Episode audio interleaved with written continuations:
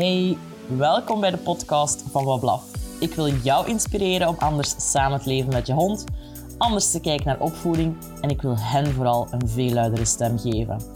Vind je de content leuk? Vergeet zeker niet te delen en laat je reacties na op social media, at Wablaf. Ik wil alles horen.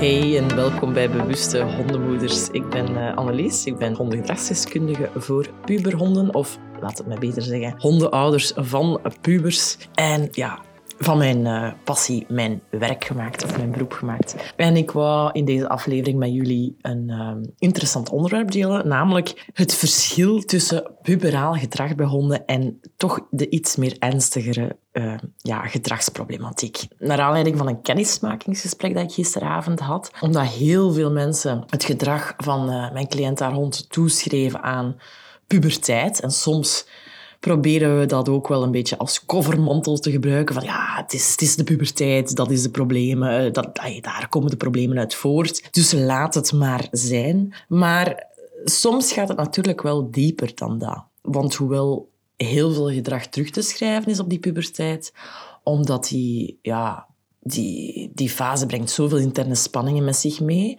waardoor onze honden hun emmertje veel sneller volloopt, waardoor dat ze impulsieve beslissingen maken, emotioneel ook een beetje ongecontroleerd door het leven gaan. Ja, is er nog steeds wel een verschil met honden die van pup af aan al heel veel stresssignalen laten zien. En die dan ook intenser worden of, of gaan vermeerderen in de puberteit.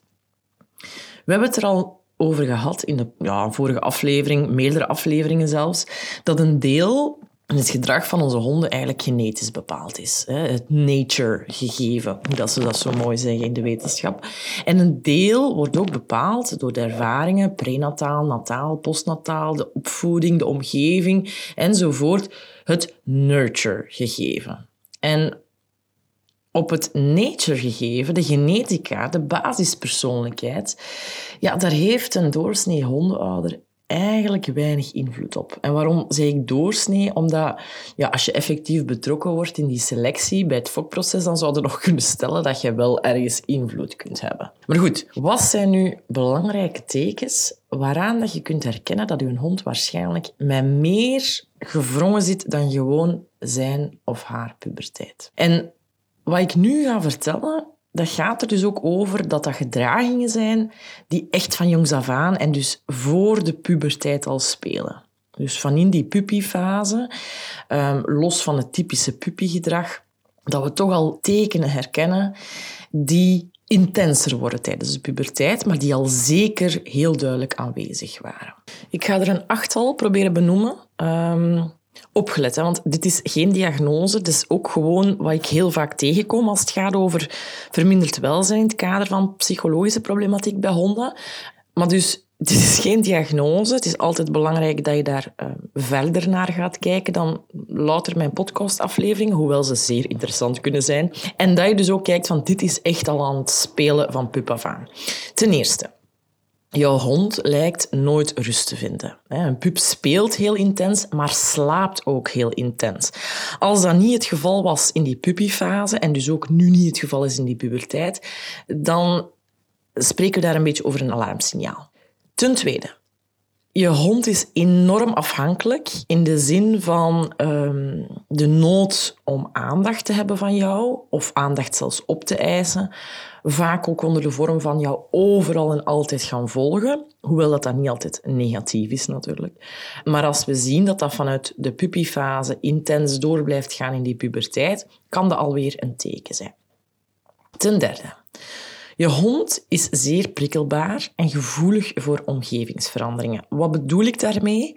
Is dat het lijkt alsof dat elke kleine verandering in de omgeving, al was het uh, een kast die verplaatst werd, of iemand die op bezoek komt, of de kinderen zijn thuis, dat die veranderingen jouw hond zo intens prikkelen dat hij lijkt ja, over de rode te gaan. Dat hij het lijkt te verliezen. En dat dat ook dus al gebeurt van pup af aan. Ten vierde, je hond vertoont zeer vaak destructief gedrag wanneer hij kortzondig of lang alleen gelaten wordt.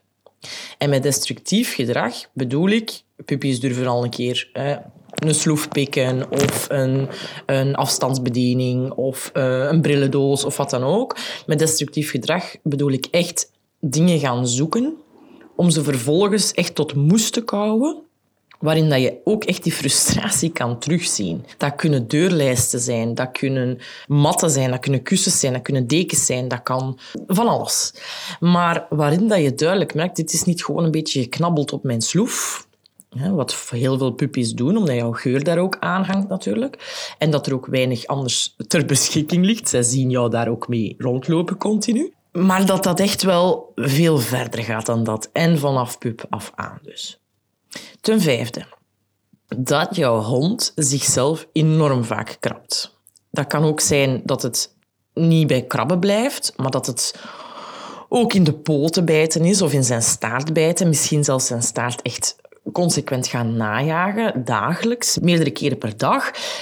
Dat zijn ook zo'n signalen waar we heel voorzichtig in zijn. Want kijk, als dit begint in de puppyfase, doorzet in de puberteitsfase en dus ook vaak intenser wordt of zelfs vermeerdert. Hè. Vroeger was het gewoon een beetje krabben, nu begint hij ook in zijn poten te bijten. Dat zijn signalen waar dat we oplettend voor zijn. Ten zesde, je hond geraakt moeilijk of niet zindelijk. Waar ik het hier vooral over heb, is dat je hond eigenlijk um, van pup tot en met in die puberteit consequent dagelijks in huis plast of stoelgang maakt, zonder jou daarbij te alarmeren. Dat is ook zo'n teken waar dat we heel oplettend om zijn. Ten zevende. Is dat een juiste benaming? Goed. Nummer 7. Jouw hond heeft vaker diarree en losse stoelgang dan dat hij vaste stoelgang heeft. Op zich kan dat ook zeker indicatie zijn dat er uh, iets moet veranderen in de voeding. Maar heel vaak is dit een uiting van een interne problematiek die gaande is, los, die losstaat van de voeding. En die dus te maken heeft met de hoeveelheid uh, stress dat je hond ervaart. Daarom zien we ook heel vaak dat honden vaker diarree gaan hebben op wandeling, omdat dat nu eenmaal ervaringen zijn die veel intenser zijn dan wanneer zij gewoon thuis in de tuinstoel gaan maken. Dus die drolletjes is ook een heel belangrijke om in de gaten te houden. En dan ten achtste, dat klopt wel denk ik, ten laatste, weinig eetlust hebben. Pups die weinig uh, zin hebben om te eten, die met lange tanden hun eten opeten of zelfs echt laten staan, of die net echt veel gaan drinken, zijn ook een aantal signalen om op te letten. Doorgaans zijn honden heel enthousiast om te eten. Willen zij ook meerdere keren per dag eten. Er zijn uitzonderingen natuurlijk, daarom dat dit ook geen diagnose is. Maar in het hele plaatje is dat wel een uh, indicatie waar dat we naar kijken. Dus Misschien even samengevat, dit is nogmaals geen diagnose, maar herken je je in die gedragingen, dan is het altijd wel interessant om contact met mij op te nemen of met een van mijn collega's.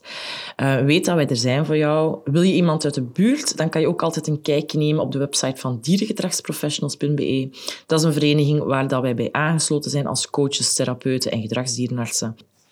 En denk je, nee, het gedrag van mijn hond is eigenlijk pas echt intens beginnen worden vanaf vijf à zes maanden leeftijd. Dan zit je waarschijnlijk bij mij wel aan het juiste adres voor de Puberhond Survival Gids, die superspannend opnieuw van start gaat op 1 mei. Ik ben er echt een beetje zenuwachtig over aan het worden. Het is niet lang meer. Um, ik zit ook wel echt nog een beetje op de inhoud te kouwen, omdat ik, ja, ik, ik vind het zo belangrijk dat dit levens kan veranderen, dat dit ook impact heeft. Um, maar goed, kijk, jullie kunnen inschrijven op de wachtlijst via mijn website. En uh, ja, dan hoop ik jou te verwelkomen in de volgende podcastaflevering.